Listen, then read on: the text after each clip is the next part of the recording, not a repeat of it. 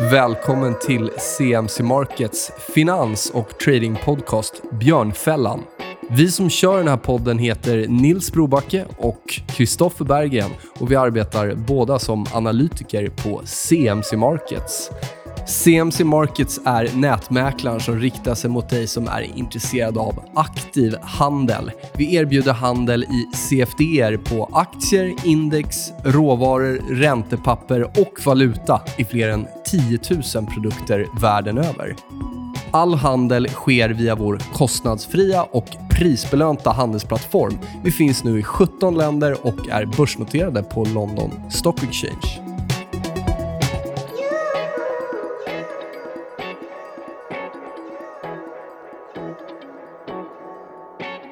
Då är det dags för avsnitt 80 av vår podcast Björnfällan och det firar vi med all time highs världen över.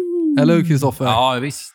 Fantastisk eh, marknad för aktier under den här hösten. lång. Ja, om man ligger lång. Många vill gärna pricka toppen också. Ja, de flesta smaka. ligger väl ändå lång. Vi tänkte ju såklart följa upp lite eh, av höstens rörelser, både på index och, och, och lite råvaror, räntor och sådär. Vi Mm. kommer att eh, gå på djupet lite kring ETF igen. Det var ju något som vi gjorde i början av september. Kör en uppdatering där och gå ner på sektorbasis. Eh, vi kommer väl prata lite rapportsäsong, va? Ja, kort svenska och amerikanska rapportsäsongen och sen blir det lite sentimentprat och sen så även kolla lite liksom hur bredden ser ut i den här uppgången som har varit. Det finns liksom någon validitet underliggande helt enkelt. Ja, då säger vi så då. kör vi.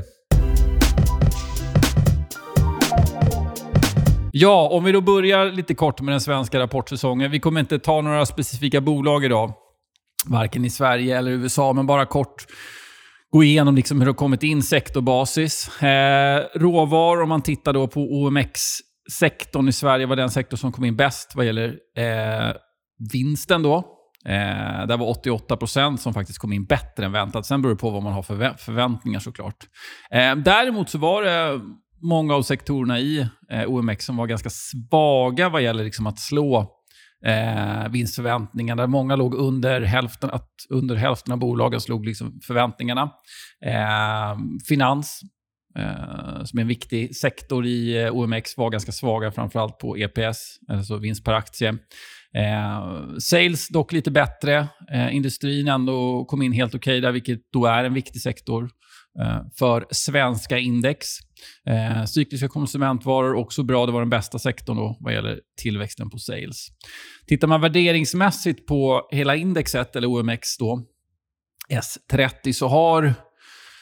Och Det här visade sig lite i, i rapportperioden också. Jag tror att folk var lite oroliga, eller marknaden var lite orolig för att vissa storbolag skulle komma in ganska svagt.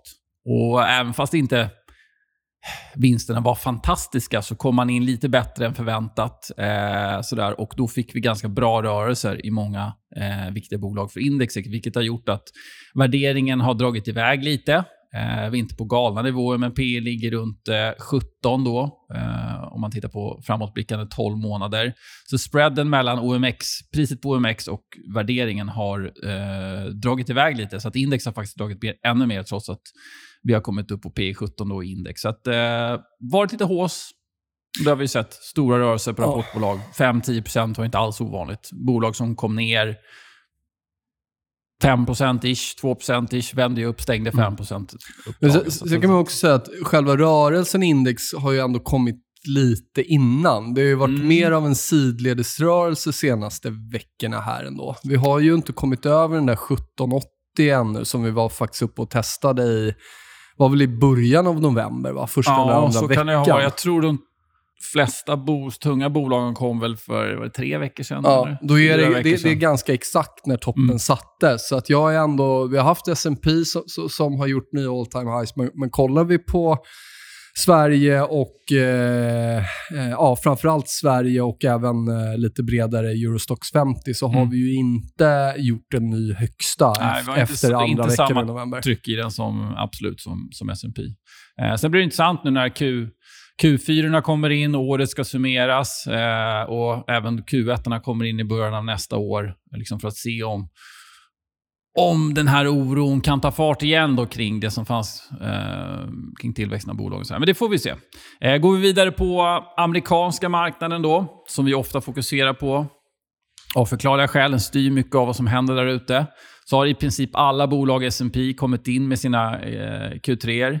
Eh, jag tycker ofta som amerikanska bolag liksom kommer in över förväntan. Det har väl visserligen också med hur mycket analytikerna skruvar ner förväntningarna. Då. Det är väl allt egentligen utom energi och basic materials som ja, har kommit in precis. Bättre. Energi har ju haft det tufft länge. Mm. Uh, så de, uh, där ligger de oh, strax över 50% på de som har slagit liksom, vinstförväntningar. Mm. Så nu pratar vi inte om bolag som kommer in alltså, negativt, utan det är uh, så här, strax över 50 ja. som ändå slår förväntningarna. Men det är långt ner i spannet då, jämfört med många andra bolag. Där till exempel eh, healthcare, som är en viktig eh, sektor i S&P nästan 90% av dem eh, kom in bättre än väntat. Tech 83% Så att vi har ju, viktiga sektorer har ju kommit in bra. Sen ska man dock lägga till att det här är baserat på förväntningar. Eh, men tittar man på vinstutvecklingen year on year kvartalsmässigt så är det tredje kvartalet i rad nu, year on year, som vi har en negativ vinsttillväxt totalt sett. Sen kan man ju slå förväntningarna, men den underliggande tillväxten är negativ. Eh, IT då, som vi pratade om tidigare, som är den största och viktigaste sektorn i S&P hade tredje sämst utveckling, vinst per aktie hela, av alla sektorer. Minus 5,3 year on year.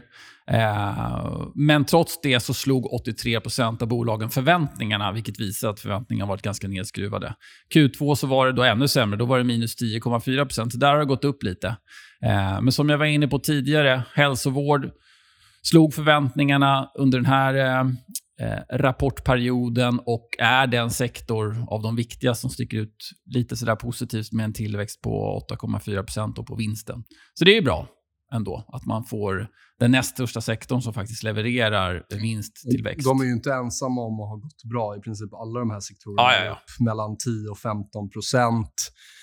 Sen i början av hösten och liksom vissa gör all time highs, ja. bland annat healthcare, bland annat eh, information technology och sådär. Så att det är, ja visst, eh, Nej, momentum har ju funnits och så vidare. Överallt. Men det, det har ju varit liksom eh, det, det, priset har i alla fall varit ja, ja, klart och Jag positivt. kommer till det alldeles strax, ja. liksom hur högt de här handlas i relation till tidigare värderingar. och Då ser vi att de ligger allihopa väldigt högt. Eh, kollar man på S&P värderingen då, hela indexet rullande 12 månader ligger P på 20,1, vilket är över femårssnittet och över tioårssnittet också. Då. Men som sagt, som du var inne på, underliggande prismomentum har varit jättestarkt, så det är klart att det driver ju värderingen. och kortsiktigt spelar egentligen inte värderingen någon roll, utan det är när det blir lite stökigt och bolagen liksom inte växer in i värderingen, ja, då kan det bli ganska bra eh, tryck på nedsidan om man inte kan försvara den rörelsen. Men som sagt, så länge det trendar uppåt spelar det egentligen ingen roll.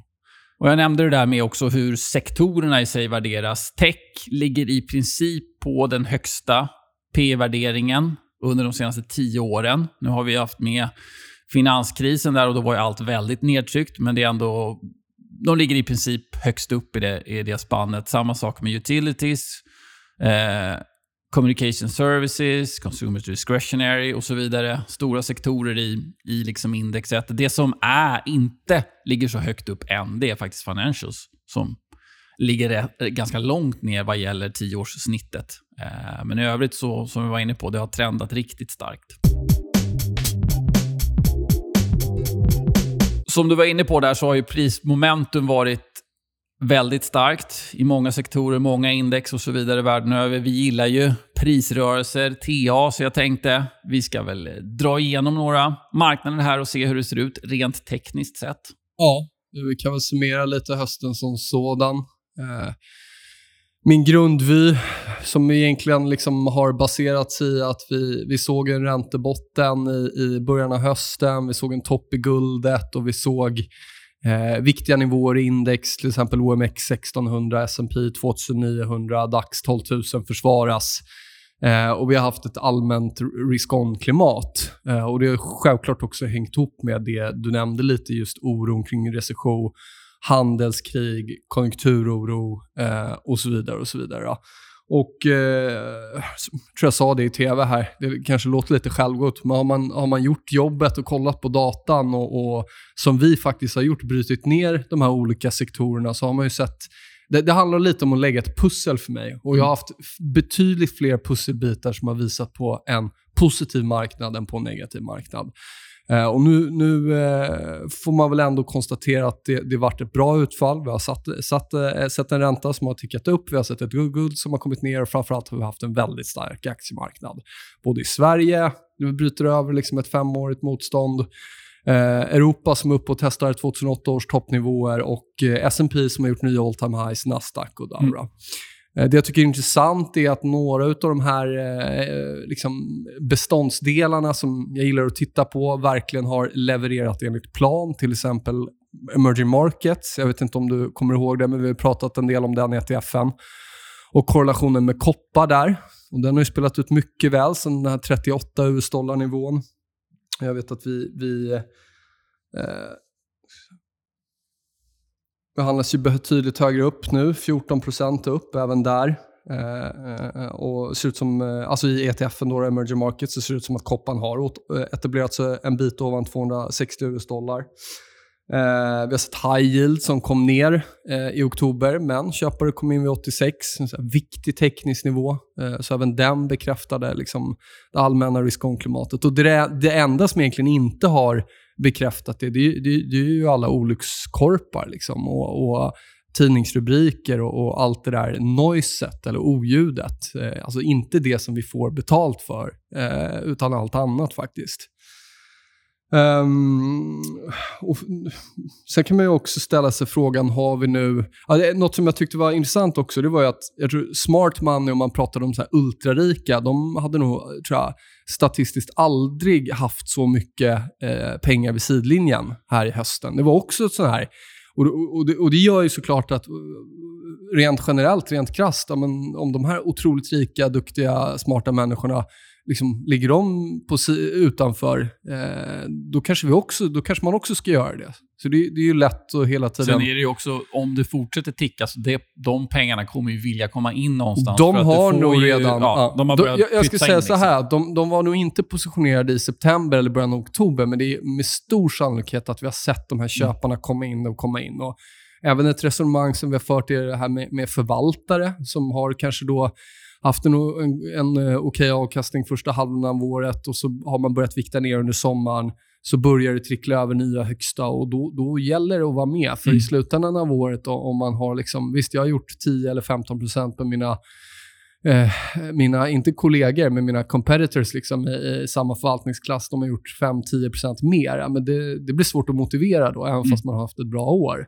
Så att det, det, har varit en fear of missing out-trade och det är lätt att sitta och säga nu, men, men eh, nu, nu, är det många som lå, liksom menar, eller får det att låta som att de var väldigt positiva. Jag har sett, sett senaste dagarna här, tycker jag, veckan, att liksom, eh, ja, det var ju enkelt att se det här, men det, det var det inte i höstas. Det har inte varit ett positivt sentiment. Om vi ska blicka lite framåt, jag vet inte, vi kommer ha mer ett uppsamlande 2020-avsnitt här, tror jag, mot slutet av året. Men, men som jag nämnde här innan när du, när du pratade att eh, Europa har inte varit, gjort någon ny högsta på två, tre veckor nu. Sverige har inte gjort det. Eh, S&P gjorde det lite senare men, men, har kommit ner nu här framförallt igår. Då. Så att jag tycker ändå att vi är i ett betydligt känsligare läge nu än i september och i oktober. Och, och eh, Räntan har faktiskt börjat ticka ner igen. Den gick ju från 1,4 upp till 1,9 och sen har vi konsoliderat någonstans däremellan och det tror jag är den fortsatta liksom konsolideringsnivån som blir, blir viktig och se utbrytet därifrån. Får vi fortsatt ränteuppgång då tror jag fortfarande det här till en positiv börs. Och då bör guldet fortsätta ner. Då. Vi bör se koppar stärkas, eh, olja stärkas och så vidare.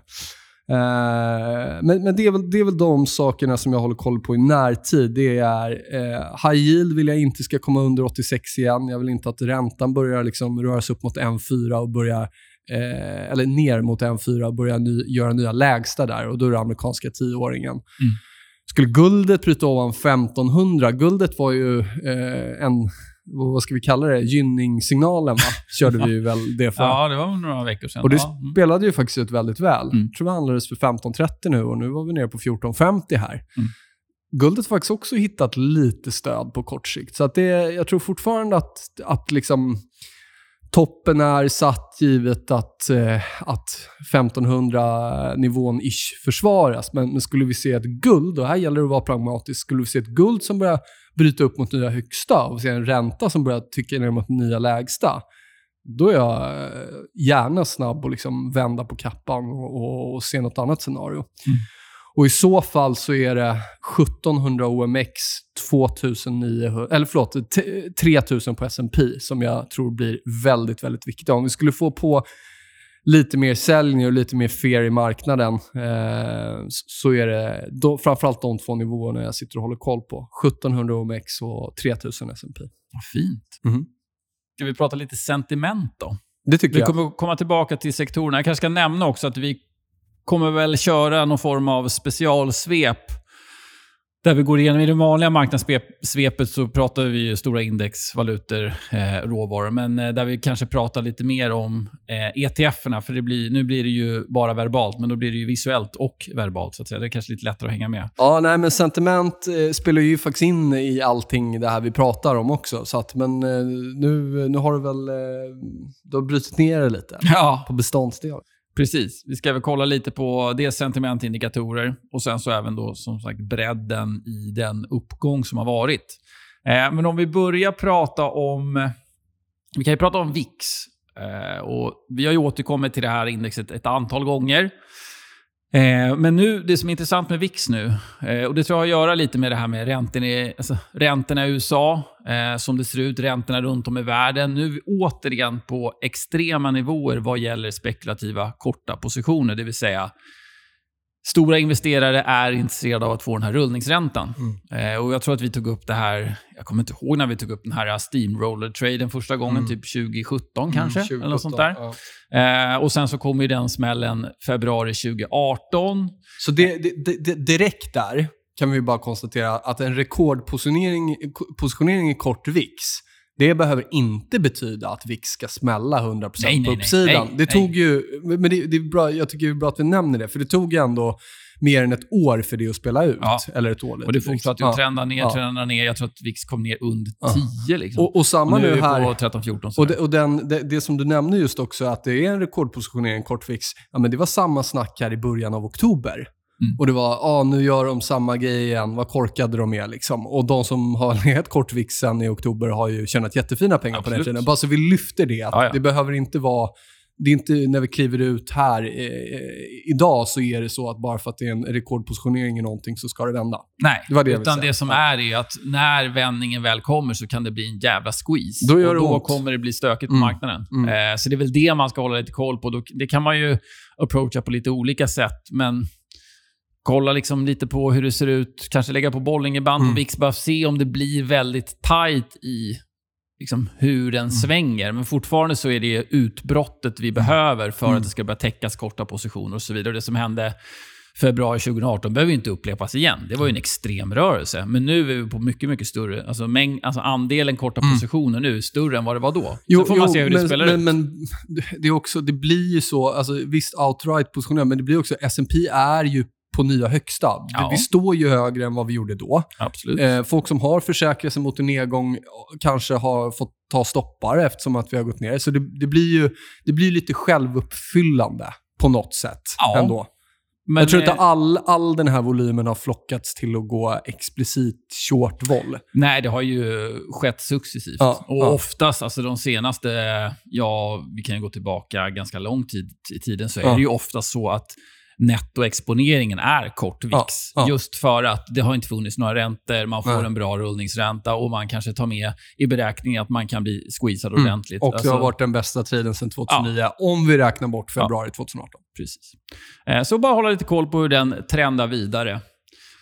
Är det någon nivå där du tycker att man ska hålla extra koll på? Eller? Egentligen inte. Snarare. Snarare bara vetskapen om att det är stora volymer som ligger kort och att det kan bli en squeeze och det kommer skapar negativt sentiment på marknaden. Mm. Sen tekniskt är det, ju, det är svårt att handla den tekniskt med tanke på hur volatil, alltså hur ja, det slår och att kontrakten förändras ja. också ganska mycket. Eh, så att mer bara vetskapen om hur det ser ut. Samma mm. sak med nästa sentiment, eh, ratio eller vad jag ska kalla det, som mm. jag ska ta upp, som är put-call ratio, som visar egentligen säljoptionsvolymen versus köpoptionsvolymen. Eh, och Det visar väl egentligen då om man, marknaden är mer intresserad av att köpa säljoptioner, eller ja, handla med säljoptioner versus att handla med köpoptioner. Typ om man vill skydda sig snarare än att spekulera.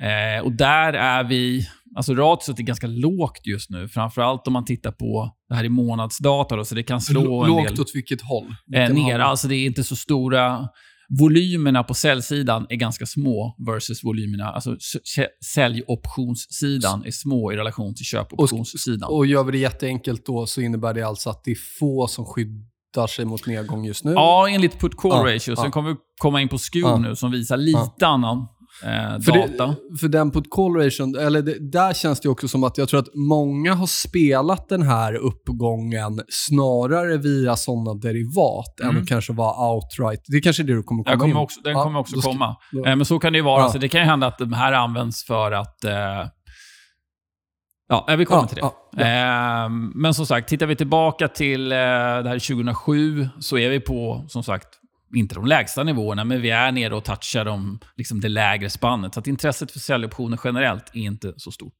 Däremot så tittar man på SKEW, inte heller alarmerande nivåer på det sättet, men SKEW visar egentligen hur mycket man är beredd att betala för optioner som ligger långt ifrån lösenpriset.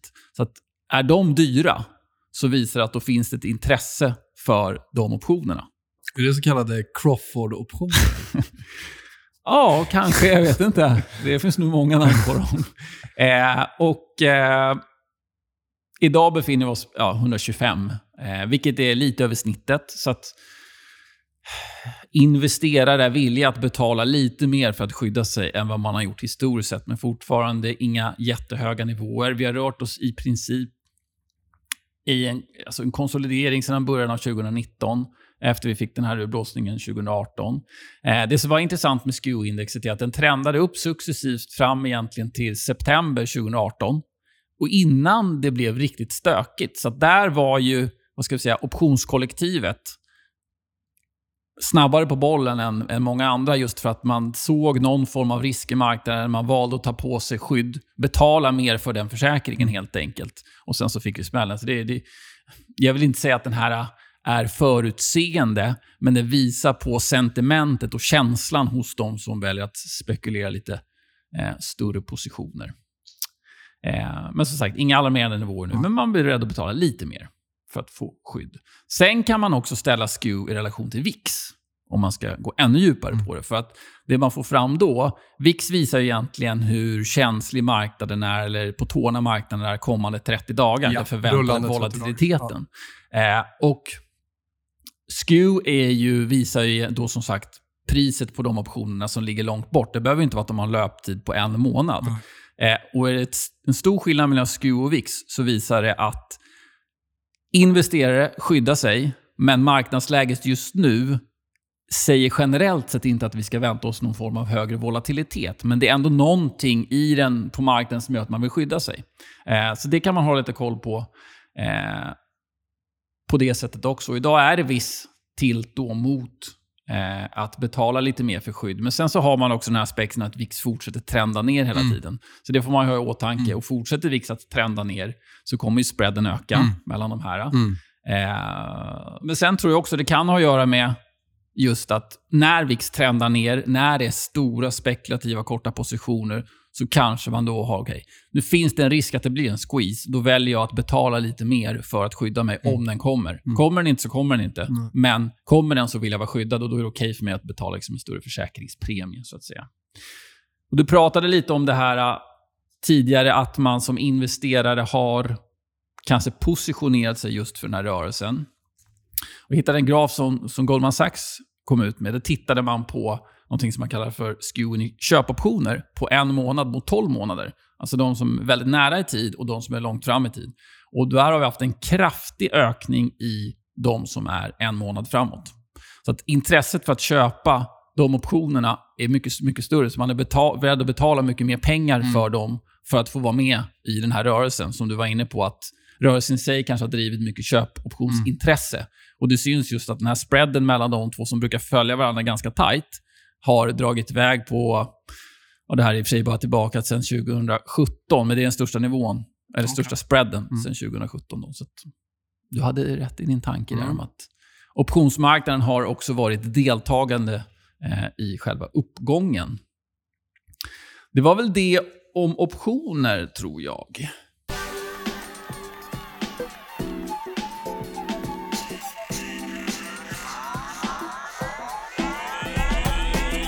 Yes, vi pratar lite VIX, lite optioner och någonting som jag alltid tycker är intressant att också blir såklart eh, ren positionering i, i de kontrakten vi tittar på. Och, och då framförallt kvantitativt. Hur, Mm. hur har spekulanter och kanske i viss del eh, kommersiella positionerat sig? Och det vi kan säga generellt kring uppgången här i höst, vilket utöver de andra sakerna som jag har nämnt har gjort att jag har haft en positiv marknadstro, så är det att vi har haft övervikt korta positioner under egentligen hela hösten i index. Eh, och Det kanske har skiftat lite från 65-70% kort ner till snarare 50-50 ibland i vissa fall. Eh, eh, men eh, överlag har det varit kort. Och generellt sett så, så får i alla fall de flesta kortsiktiga spekulanterna får oftast fel. Eh, enligt mig då. Det kommer inte funka ett till ett. Men, men, men generellt så ser det ut så. Då. Och så har det även sett ut under den här uppgången under hösten. Och var kan man hitta den här informationen? Jag gillar att bara använda vårt kundsentiment. Visst, det är inte hela världen. Det är inte alla som handlar dags. Men det är ändå alla våra kunder globalt, vilket är många. Och det ger också en hyfsat bra proxy om vad övriga retail gör, till exempel. Twitter, såklart. Det har varit, jag vet inte om du märker det, men det har varit väldigt mycket lugnare på Twitter Ja, eh, senaste månaden. det har inte varit så många depågrafer. Det har inte varit depågrafer, men det har heller inte varit det här bäsandet. Nej, det har det inte varit. Många, kanske vissa såna darlings, mindre aktier som har inte gått lika bra, då kommer det mindre depågrafer. Men sen tycker jag också att det, det är väldigt mycket mer aktivitet när, eh, när folk vill kolla toppen, Mm. när man tror på ras. Och sen när den rörelsen går emot den, då blir, blir man ganska, eh, ganska tyst. Mm. Eh, Det ser man också på alla krigsrubriker. Det finns ju knappt några Mm. krigsrubriker längre. De försöker leta ibland, Mm. men om index bara fortsätter trenda och det blir... Men- alltså de ja. rekylerna som kommer är egentligen obefintliga. Men- då ja. finns det ingenting att hetsa kring. Och det, och det slog ju över jäkligt snabbt. Ja, för det var ju i september och, och till viss del början av oktober, då var det ju väldigt många negativa rubriker överallt. Eh, och, och det där har ändrats ganska snabbt. Och det, det, det är också en sån sentimentsgrej som jag håller koll på, nyhetsflödet, Twitterflödet. Hela vägen runt har jag skrivit inom situationstecken. Och då om vi drar tillbaka till, till eh, några avsnitt här sen, gyll- gynningssignalen där. Eh, vad vi, menar jag med hela vägen runt? Jo, när någon som inte är insatt i en marknad berättar för någon annan som inte är insatt i en marknad att det här är safe bet, här tjänar man pengar, då är det ofta en spännande eh, contrarian-signal. Eh, ibland på längre sikt, men framförallt på kort sikt. då. Eh, och vi har det där exemplet med Fingerprint också i vårt första podcastavsnitt. Så den hela vägen runt eh, problematiken. Tycker Har det varit något sånt nu när vi har ändå gått så starkt som vi gjort i framförallt aktiemarknaden? Det är klart att det är många som har ändrat åsikt, som kanske har varit negativa tidigare i media, Ja. är nu positiva och så vidare. Men Ja, ja, ja, alltså jag, jag, jag kanske inte har sett... Alltså, en, en graf som, som JP Morgan postade faktiskt. Jag vet Mm. inte om du såg den. Det var ju, de hade sammanställt väldigt många eh, dysterkvistar och marknadskommentatörer. Och det var allt från sådana som faktiskt har riktiga pengar, eh, alltså skin in the game, typ Jeff Grundlach. Men det var också sådana som bara har bäsat sedan 2009, typ Paul Krugman. Och Mm. Man sammanställde det här och visade på resultat och, och eh, i princip alla av dem ha, hade blivit då negativt utfall. Det jag tycker man ska göra skillnad på där, det är de som faktiskt har skin in the game, det vill säga pengar och faktiskt, eh, om man tittar så har ju... positionera sig Ja, för det och. Grundlach har ju tjänat ett par kronor sedan 2009. Så att det, det är inte så att vad man säger och vad man gör är två olika saker. Men jag, jag tycker väl inte att det är total eufori ännu, men det är i alla fall eh, tror Fear and Greed Index var ju, har väl gått, gått, i, gått i toppen från att ha varit långt ner i början av hösten. Och jag tycker ändå att som när jag tittar nu på, det, är- det är ju samma personer, det är de här som är, är med liksom två, tre gånger i veckan i, i de här finansprogrammen som, som jag är med i ibland också. Som var väldigt neggiga under hösten och nu, nu liksom säger de att eh, ja, men nu har man gjort bort sig om man inte varit lång och, och, och, och sådär. Och jag, jag, ty, jag tycker det blir eh, fjantigt. För drar vi en googling på de här personerna så kommer vi se att liksom, eh, rubriker, deras, deras tes har bara ändrats med hur, hur kursen har gått. Och man har inte varit liksom för man har inte, man har inte varit liksom före det flödet utan snarare väldigt mycket efter. Så Sen att, behöver det inte vara, om man Ja. bortser från vad de har, Mm. de har sagt, att anpassa sig efter flödet. Nej. Det är ju smart. Men absolut. jag förstår vad du menar. Men, man, eh, man är stensäker ena sekunden, sen så Ja. veckan efter så är man stensäker åt Ja, andra men hållet. liksom att stå i sändning och säga att nej, men sälj allt det här, det här ska ner, det här ska ner och sen kan man liksom stå ett par veckor eller månader efter och säga att man har sagt hela tiden att det ska upp. Alltså det Mm. blir sjukt pajigt och eh, självklart ska man kunna liksom snurra om. Alltså det är väl det vi håller på med. Ja. Eh, vi, vi, vi prognostiserar men vi får ju alla, liksom måste ju anpassa oss. Det är ju hela grunden i teknisk analys, att följa priset, inte de andra sakerna. Men Eh, ja, i alla fall en viss, eh, en viss skillnad i sentimentet, helt klart. Mer, ja, det nämnde jag tidigare det här, men lyssna på smart money eller vad de sto, stora gör inom situationstecken. Det, det vart i alla fall fel i höst om vi kollar, om vi tog det här exemplet med smart money eller eh, ultrarika och sådär. Då. Det var väl det jag hade om eh, sentiment, tror jag. All right. Men eh, ska vi kika lite på... De flesta har ju noterat då, vi har ju nämnt några gånger, all time highs i USA, eh, bland annat. Då. Eh, och det som är viktigt när man gör egentligen all typ av momentumrörelse så vill man ju ha så många med sig som möjligt. Hela flocken ska ju liksom följa med. Man vill inte bara ha techsektorn som driver till exempel. Så jag har kollat lite på hur det sett ut eh, breddmässigt då i den här rörelsen. Eh, om vi börjar med att kika på hur många aktier då i S&P som handlas eh, över 52 veckors högsta, eller om man kollar på andelen över och andelen under, så har vi legat på hyfsat höga nivåer ganska länge, vilket bekräftar ändå att det är aktier som fortsätter göra 52 veckors högsta, eh, vilket är en långsiktigt positiv trendindikator. Det finns ju trendföljande system som i alla fall historiskt har använt det som en trigger. Eh, och sen en annan viktig grej också, det är S&P 500 är 500 bolag, men tittar man på vilka som driver indexet så är det ju de största bolagen. Eh, så jag tittade också på S&P 100. Eh, samma sak. Hur många aktier gör 52 veckors högsta? Och där är ju andelen ännu större. Eh, vilket visar att de stora bolagen kanske har deltagit ännu mer i uppgången, vilket är positivt momentum eh, för att det är de som är index helt enkelt. Sen när vi gjorde den här eh, uh, all time high-rörelsen Eh, så tittar man på S&P 100-bolagen så var det vi, vi, förlåt, vilken, vilken av de här rörelser? eh, den som var i oktober. Ja, okej. ja, det har ju varit nya. Ja. Den första. Ja. Eh, strax därefter så kom upp kom eh, RSI 14, alltså 14 dagars RSI, upp på kraftigt höga nivåer. Tre standardavvikelser utifrån normala. Eh, och vad jag gillar med det, många kanske säger att ah, men då behöver det komma en rekyl. Ja, snarare ett extremt styrketecken att så många bolag ändå orkar trycka RSI upp så pass kraftigt. Det visar på bra styrka i det underliggande momentumet. Så att det gillade jag med den rörelsen. Sen har det kommit ner lite av naturliga skäl. Så jag skulle gärna se att vi liksom spikar upp igen för att liksom få tilltaget momentum om det ska fortsätta eh, bekräfta själva uppgången som vi haft. Nasdaq då, tech som vi har varit inne på tidigare, är en viktig sektor. Ser samma signaler där. Fort, bra liksom, ratio om man tittar på de som gör 52 veckors högsta mot lägsta. Och den där rotationen det var prat om, den, den höll väl i en halv månad eller något? Ja, Från momentum från till value. Jaha, liksom. ja, Nej, den höll ju Nej, precis. Den var ju extremt kortvarig. Mm. Sen är det alltid så att man, man gärna vill hitta rekyler när det har gått så här kraftigt. Man tänker att nu ska det komma en vändning och så vidare. Så att istället för att bara titta på 100 dagars högsta, 52 veckors högsta som är mer långsiktiga trendmomentumindikatorer så kikade jag också på hur det ser ut på till exempel 20 dagars medelvärden som ändå betyder mycket kortare sikt. Där har vi lite en annan bild. Eh, S&P 500-aktierna, där är liksom den trenden ner. Sen är det fortfarande eh, 65% ungefär som handlas över 20 dagars medelvärde, så det i sig är positivt. Men vi har trendat neråt samtidigt som index har trendat uppåt. Samma sak syns faktiskt i Nasdaq. Däremot syns inte den svagheten på samma sätt i S&P 100.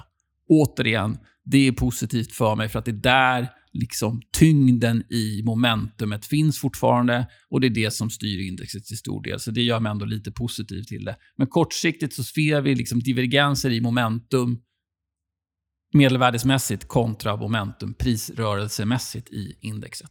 Just med liksom diskrepansen och, och bredden. Och jag tycker ändå, liksom, var vi inne lite på Europa innan, men det är en sak som Europa har ju laggat, liksom, det vet vi alla, och uh, har tagit fart under hösten. Och Det vi har sett också, som jag vet inte var någonting som jag ville ha med, det var det europeiska banker. Och De har ju mm. faktiskt gått ganska bra. Jag tror jag hade BNP Paribas med som exempel. Den har väl gått som mest 20% här under hösten.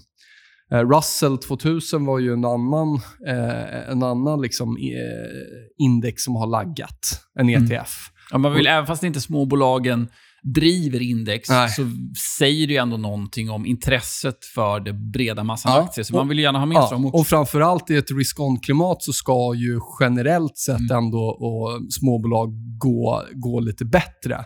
Och, och, vi vill ju inte ha ett småbolagsindex som har gått sidledes så länge och börjat liksom trickla ner Nej. när S&P går upp. Och det har det inte gjort. Eh, Russell har ju också gått bra liksom, och, och försöker nu bryta över 144 US-dollar som är en sån här toppnivå som har hållit eh, ganska länge. Så jag tycker att vi har fått, eh, jag har inte brutit ner det på samma sätt som dig, men, men rent bara att jämföra de här olika marknaderna eh, med varandra så har vi ändå fått med oss mycket av det som, som vi behövde få med oss inom situationstecken under hösten. Ja, vad säger du? Ska vi uh, runda av med att kika på sektorerna i S&P? Hur de ser ut ja. tekniskt. Var... Eller kanske ha lite annat att gå igenom också i och ja, för sig. Vi har ju varit inne och berört det lite, men absolut, det, det kan vi väl göra. All right. Sektorer, S&P 500. Vi börjar med den största. Eh, IT-sektorn. Och eh, där har vi fått bra momentum Bra rörelse, likt index skulle jag vilja säga. All time high va? Ja. 13% upp sen i eh, höstas när vi kollade på den. Medelvärdena ja. parallellt med varandra pekar uppåt. Nu har vi klättrat upp på eh, RSI i veckografen, vilket också bekräftar momentum. Så att största sektorn i S&P har följt med liksom, själva rörelsen i S&P och är förmodligen en bidragande orsak till rörelsen i sig. Men det är ändå intressant och positivt att vi har den stora sektorn med oss. Eh, nästa sektor som, som laggade lite men sen tog fart är ju hälsovård. Mm. Healthcare, som är andra största med typ 14-15% vikt. 12% upp sen botten eh, och gjort nytt all time high. Mm. Och det, det, var, det, pratade vi om här, att det var en lång konsolidering. Jag tror mm. det var väl en två, två år nästan där han hade konsoliderat. Och när vi väl bröt upp så, så, så tryckte det på riktigt, riktigt bra och ser ju ut att ha gjort en klar etablering över tidigare. Och den rörelsen kom ju förra veckan, ja. så att den har laggat ordentligt. Sen så har ju inte indexet inte gått upp, Nej. men att just göra nya högsta ja. som index har gjort, ja. Eh, det kom ju först förra Och lång veckan. konsolidering, när det väl bryter, bryter upp. Sen var det en liten eh, fundamental trigger där det började pratas om, ja, Elizabeth Warren då, om hon nu skulle komma igenom här, att hon skulle lansera lite nya det var nya vallöften om Obamacare och massa såna saker. Så då blev det en trigger för... Oh, vad för... de nu vill ha för förklaring för att det har rört sig. Liksom, det är alltid, Nej, men det blev en trigger för healthcare att, ja, att göra ett extra skutt. Tekniskt hade den ju börjat positionera sig för rallyt ja. där. En bit men vi måste även blidka de Absolut. som gillar fundamentala. Ja, Financials, tredje största sektorn, har inte brutit ur än på samma sätt. Men nosar. Eh, nosar gör den. 13% upp sen botten i höstas. Den handlas runt, eh, det här är graf från i morse, då har ju inte marknaden öppnat sen. Men det här var runt 29,80 eh, och motståndet ligger runt 30-20. Så det är strax där ovan har vi då tidigare toppen.